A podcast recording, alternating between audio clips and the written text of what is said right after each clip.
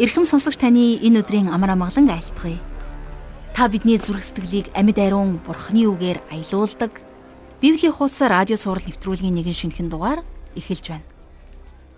За харин өмнөх дугаарт бурхны мэрэгэн ухаан түүний нууц гэж чухам юу болохыг бид хамтдаа суралцсан шүү дээ. Түүнчлэн төрлөх хүн болон сүнслэг хүн гэж хэн болохыг бид хамтдаа харсан. Төрлөх хүн хэдийгээр сайн зүйл хийдэг ч гэсэн сайн муу холилдсон шалтгаантайгаар хийдэг гэдгийг жаргал агш маань тайлбарлаж өгсөн. Үнэн дээр энэ үг намайг багахан бодолд автуулж чадсан юм шүү. Би ч гэсэн ялгаагүй мах бодоос бүрлдэж эхийн хөвлийгээс төрсөн хүн. Харин Христэд итгэсэн цагаасаа Бурхны сүнс миний оюун бодлыг нээж надад түүний үгийг ойлгуулах болсон. Зөвхөн Бурхны сүнс л Христийн зүйлийг бидэнд харуулж ойлгуулж чадна. Орчлон ертөнцид нүд үзээгүй, чих сонсоогүй. Зөвхөн түүний бидэнд илчилж чадах онцгой зүйлс байдаг гэдгийг ойлгож авсандаа миний хувьд үнэхээр их баяртай байна.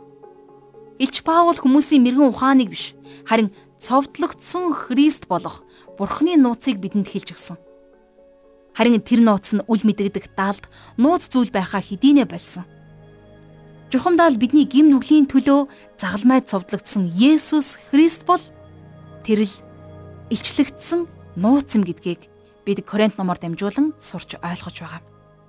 Хэрвээ та Есүс Христэд хараахан итгэлээ өгөөгүй түүнийг таньж мдээгүй яваа бол түүний үннийг ирж хайх аялалд заавал гараарай.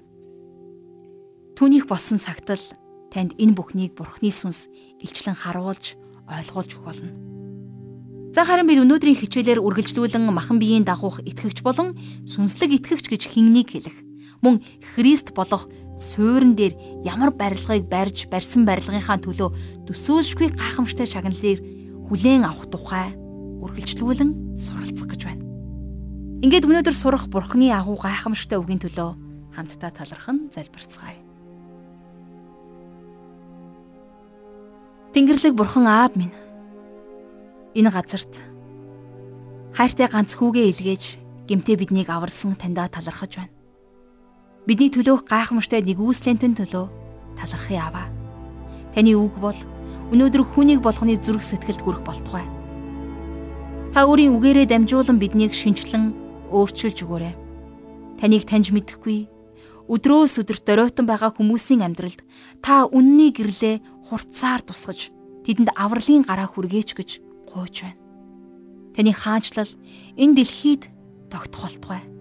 Тань талархан таны хайртай хүү бидний эрхэм эзэн Есүс Христийн нэрээр залбирanгуйж байна. Амен. Ингээд хамтдаа жаргалах шин ярианд анхаарлаа хандуулцгаая. За өнөөдөр бид хамтдаа 1-р Коринт номынхон 3-р бүлгийг судалж эхэлнэ. Хэрвээ та санаж байгаа бол өмнөх 2 бүлэг дээр Илч Паул хүн төрлөختнийг хоёр хэсэгт буюу За төрлөх хүн за бас сүнслэг хүн гэсэн хоёр ангилалд хуваасан тухай бид үзсэн тийм ээ. А харин өнөөдөр үргэлжлүүлээд Паул илүү гүн гүнзгий ангиллалыг хийх болно. Энэхүү ангиллал нь итгэгчдийн дундах ангиллал. За бас махан биеийн дагуух итгэгч болон сүнсний дагуух итгэгч гэсэн хоёр ангиллалыг та эндээс харах болно. Тэдний махан биеийн дагуух байдал болон сүнслэг байдал нь өөрсдийнх нь амьдралд За бас түнчлэн Христийн үйлчлэлд нь тодорхой харагдаж байдаг. За ингээд хамтдаа 1-р Коринт номынхон 3-р бүлгийн 1-р ишлэгийг уншийе. Ах トゥ нараа би та нартай сүнслэг хүмүүстэй мэтэр ярьж ис чадлаа. Харин махуудын хүнтэй Христ доторх балчир хүүхэдтэй ярих мэд ярьсан. За тэгэхээр саяын 1-р ишлэлдээс харах юм бол энд 3 дахь ангилал гарч ирж байна. За энэ бол хуурамч итгэгч эсвэл гаж урсгалын хүн. Бид нэр төрлөх хүний талаар өмнөх дугаартаа нэлээд ярилцсан тийм ээ. За бас бид нэр юр бусын хүн болох сүнслэг хүний талаар суралцсан. Харин энд болвол гаж буруу хүний талаар гарч байна. Тэр бол гаж буруу хүн. Яагаад гэвэл тэр хүн Христэд итгэдэг боловч махан биеийн дагуу явсаар байгаа хүн юм. Тэр хүн Христ дотор нялх хүүхэд хэврээ байгаа хэрэг.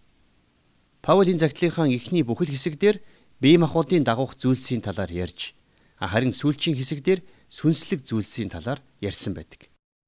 Паул махан биеийн дагуух зүйлсийг ярьсаар байгаад маш их залхассан байгааг бид нар удахгүй олж харах болно. Яагаад гэвэл тэр 12 дугаар бүлэг хүрэхдээ нилээд санаа зовсон байдалтай байгаа нь бид нар энэхүү номыг судалж байх явцдаа харах болно.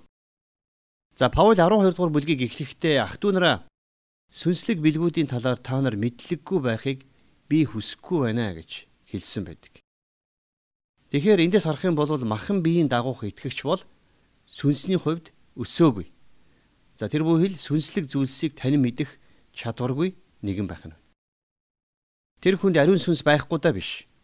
Харин нэгүүлсэл болон Христийн мэдлэг дотор өсөөгүй учраас ийм ядмаг байдалтай байна. За энэ бол тухайн хүн Бурхны үгтэй хэрхэн харилцаж байгаагийн харилцааны үр дүн.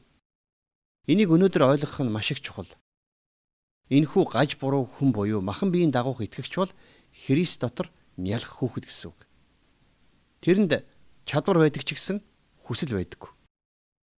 Нялх хүүхдүүд том хүн болох боломжтой ч гэсэн эхлээд сүү ууж эхлэх хэрэгтэй. Тэм учраас Паул эдгээр зүйлсийг сүнслэг төвшөнд аваачин заасан байдаг. За хоёрдугаар ишлэл.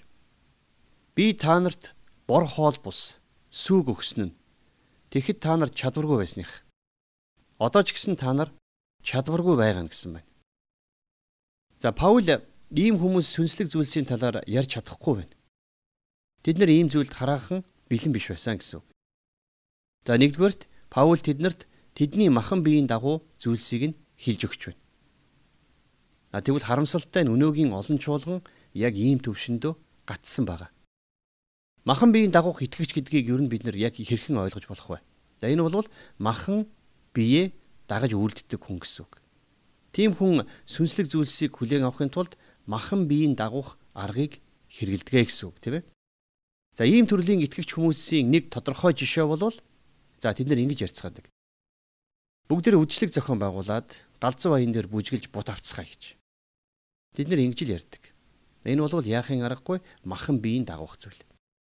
Тэгэхээр махан биеийн дагуух зүйл гэдэг байгаа энэ үг бол грекээр саркикос гэсэн үгээр илэрхийлэгдэж байдаг. Энэ зүгээр л биеийн гэсэн утгатай. Өөрөөр хэлэх юм бол махан биеийн тийм ээ. Тэгэхээр хүн үргэлж өөрийн махан биеийн тааллын дагуу бүхэл арга замаар таатай байхыг хичээдэг.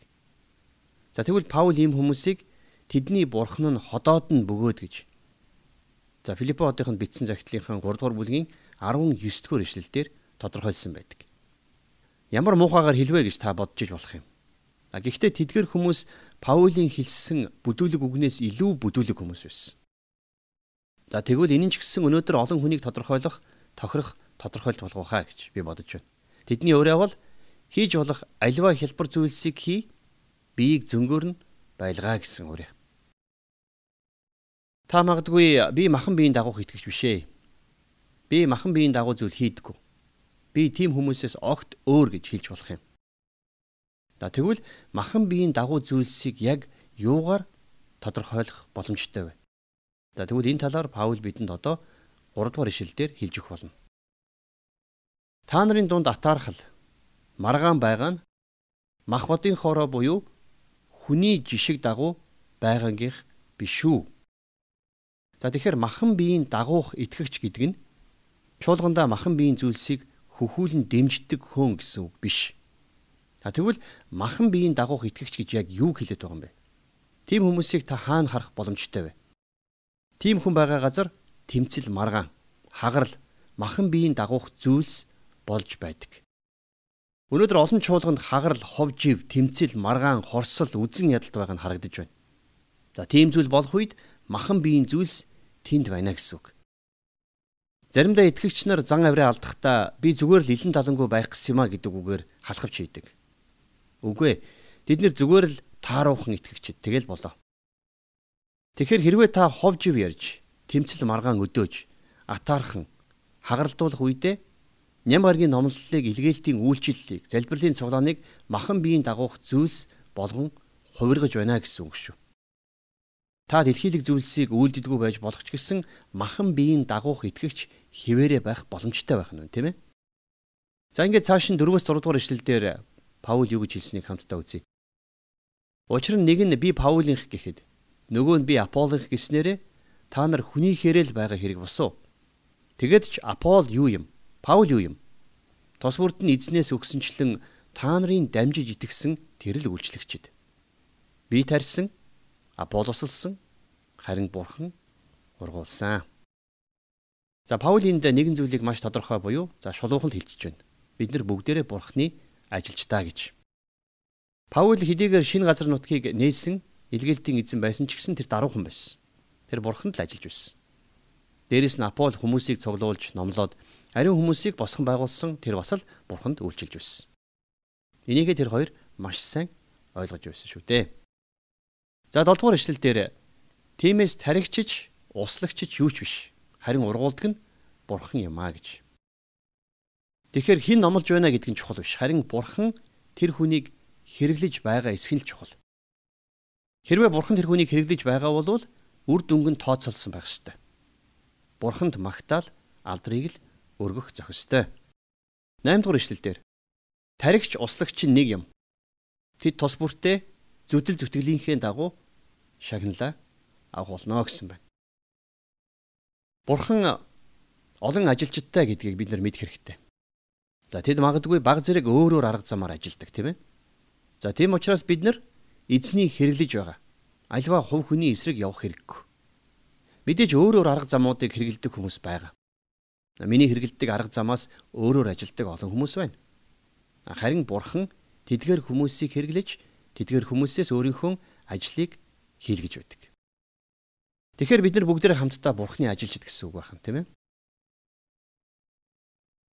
За үргэлжлүүлээд 9-оос 10 дугаар эшлэлдэр учир нь бид бурхны хамтран зүтгэгчид бөгөөд та нар бурхны тариан талбай, бурхны барилга мөн. Надад өгөгдсөн бурхны нэгүүлслийн дагуу би мэрэгэн барилгачин мэд суур тавьсан бөгөөд өөр нэгэн түүн дээр барьж байна. Гэхдээ түүн дээр яаж барихаа хүмүүр анхаарах тун гэсэн байна. За Паулийн яриад байгаа энэхүү бурхны барилгын гэдэг байгаа суурь бол 2000 жилийн өмнө тавигдсан. Та бидний хинэнч энэ суурийг тавьж чадахгүй. Харин та бидний хийж чадах нэгэн зүйл юу вэ гэхлээр зэрэг тэрхүү суурь болсон Есүс Христ рүү анхаарлаа хандуулах явдал юм. За тийм ч учраас бид нэр тэр суурин дээр барилга барьж байгуулдаг. Хамгийн чухал зүйл бол бурхны үгийг ярьж хүмүүсийг аврах сайн мэдээг тэднэрт тунхаглах. 11-р эшлэл.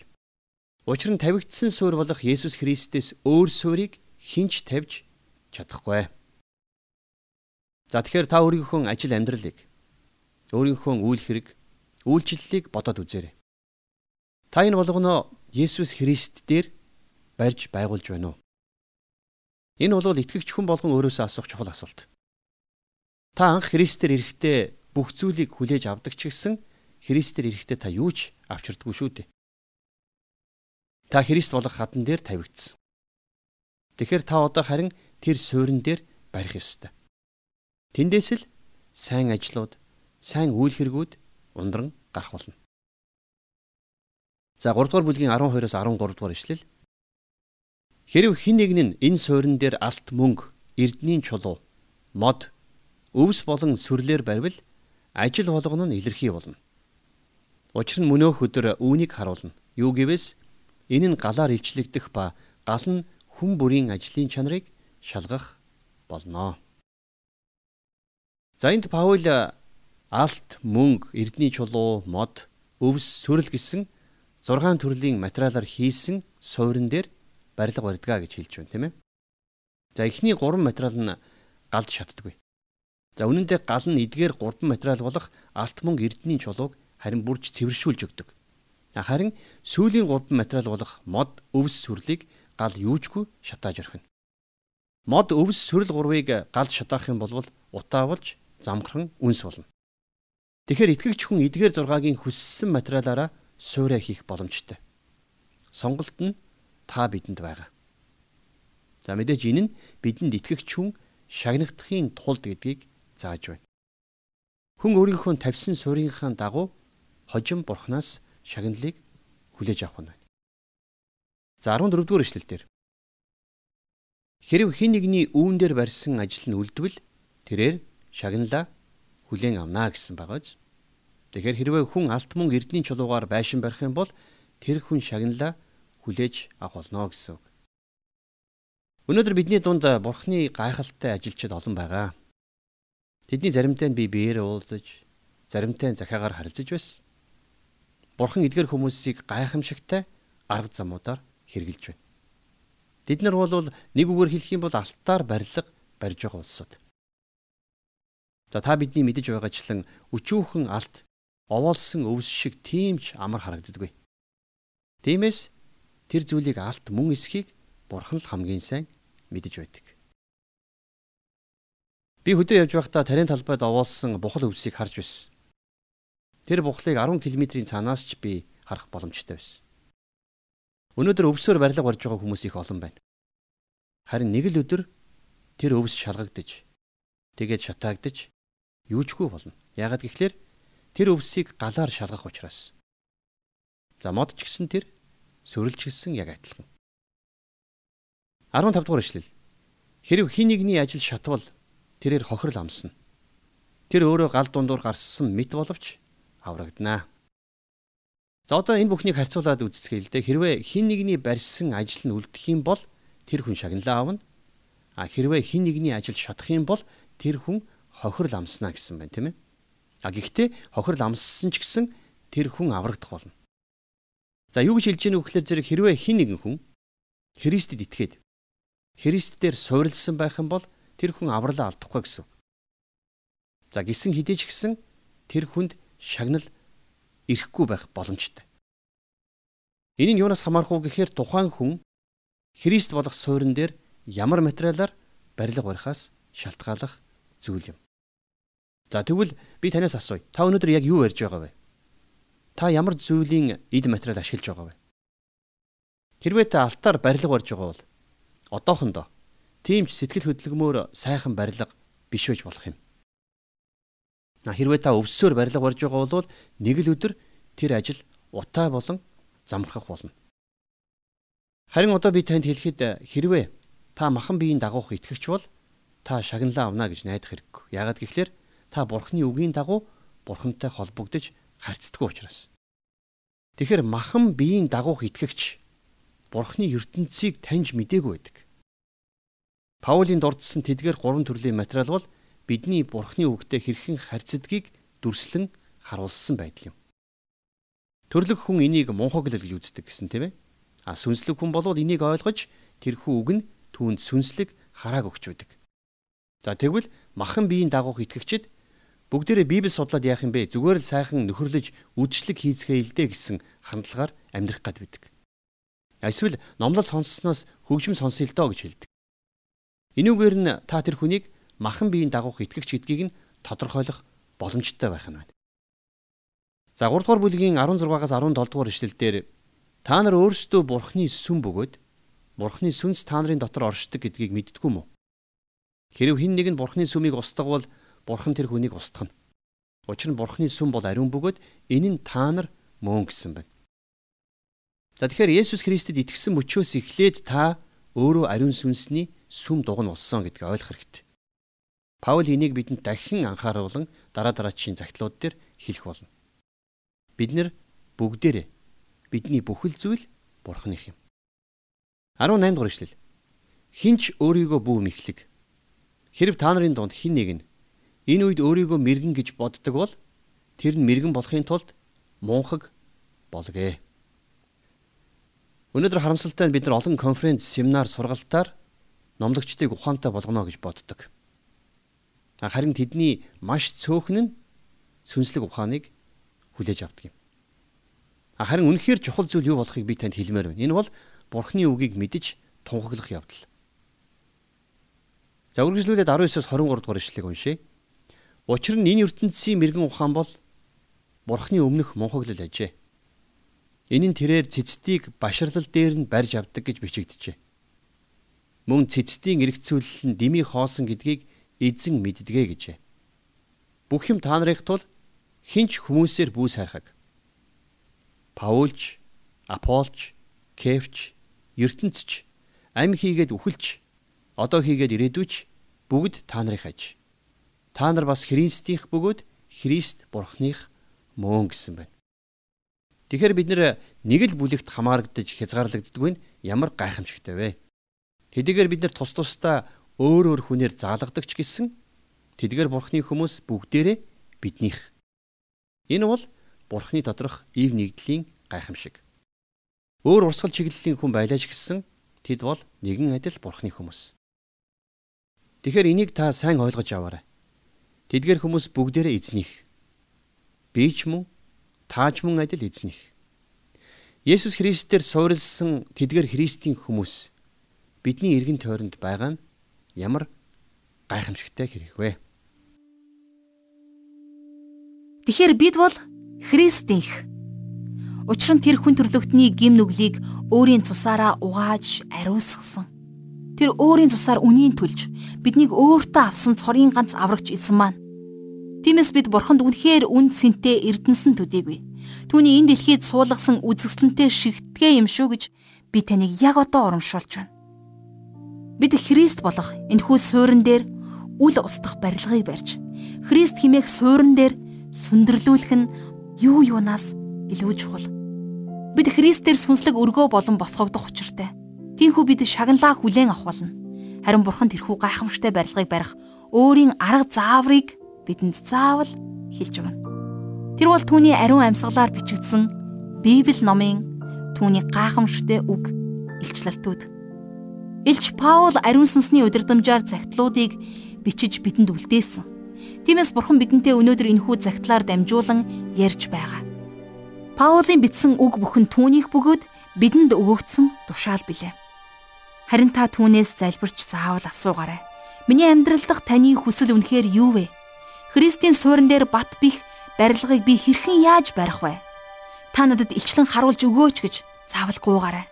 Махан биеийн дагуух итгэгч биш. Харин Христийн үгээр амьсгалж амьдрдаг тэрхүү гайхамшигтай суурь болох Есүс Христ рүү анхаарлаа хандуулдаг итгэгч байхыг Бурханаас та чин сэтгэлээсээ гуйн залбираарай. Хэрвээ та сайн мэдээ тараахаасаа ичдэг бол одооноос эхлээд Христийг байгаа бүх газар болгондоо тунхаглахаар зүрхэндээ шийдээрэй.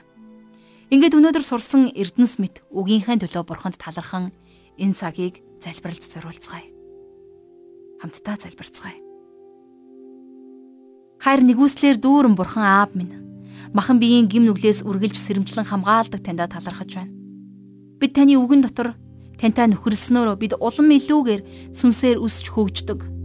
Аваа та биднийг харж чадахгүй байгаа тэдгээр зүйлсийг илчлэн харуулж өгөөрэй. Махан биеийн дагуу явж байгаа мүч үрийг минь та гим нүгэл болгоныг минь та уучлан өршөөгөөрэй. Аваа таны нэрийг алдаршуулах сүнслэг итгэгч болон баригдахад та биднийг удирдан чиглүүлээрэй.